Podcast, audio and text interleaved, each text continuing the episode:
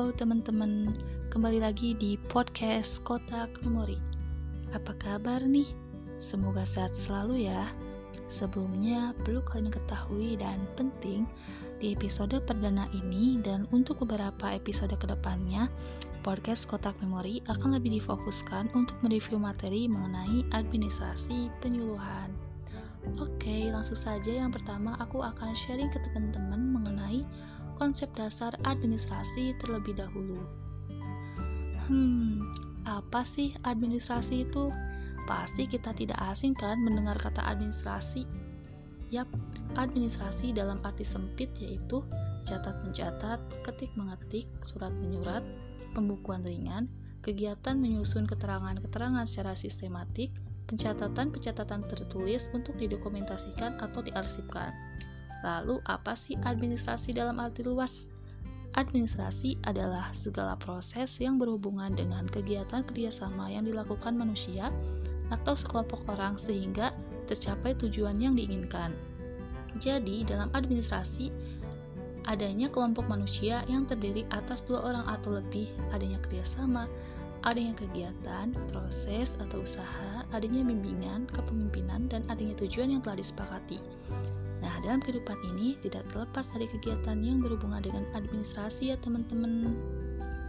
Selanjutnya, administrasi menurut para ahli.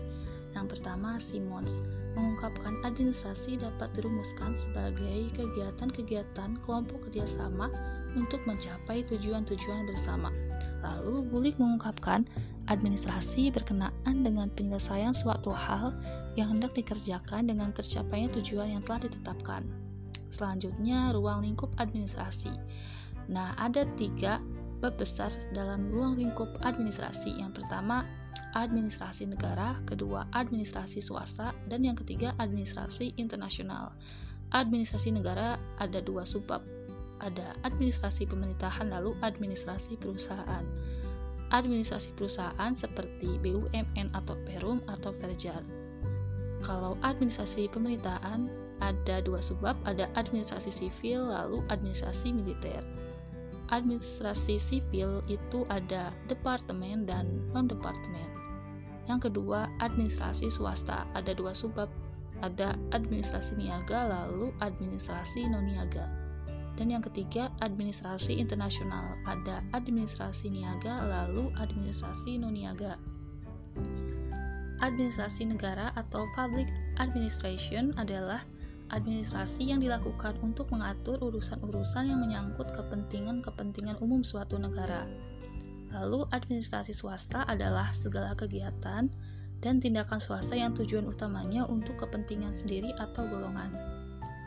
Administrasi negara sebagai organisasi yang tidak terlepas dari fungsi pemerintahan untuk mengelola dan memastikan keberlangsungan negara.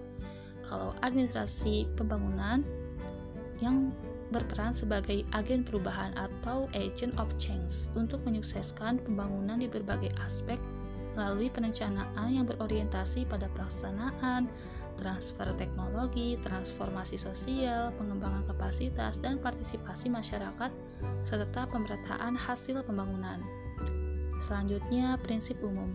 Nah, ada beberapa prinsip umum yang perlu diperhatikan oleh seorang administrator.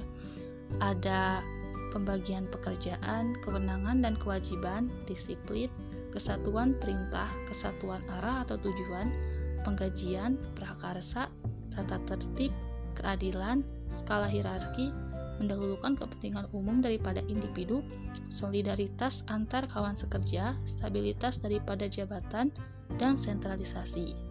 Nah, prinsip administrasi ini tidak absolut atau rigid atau kaku teman-teman, tapi fleksibel yaitu menyesuaikan situasi yang ada berdasarkan adanya pengetahuan, pengalaman, keputusan, dan keseimbangan. Selanjutnya, prinsip dasar 3M yang perlu diketahui oleh seorang administrator yaitu menyusun atau menulis. Ada rencana, ada catatan harian, lalu laporan akhir. Nah, cukup sekian ya podcast kali ini. Semoga teman-teman tidak bosan ya mendengar suara aku. See you. Thank you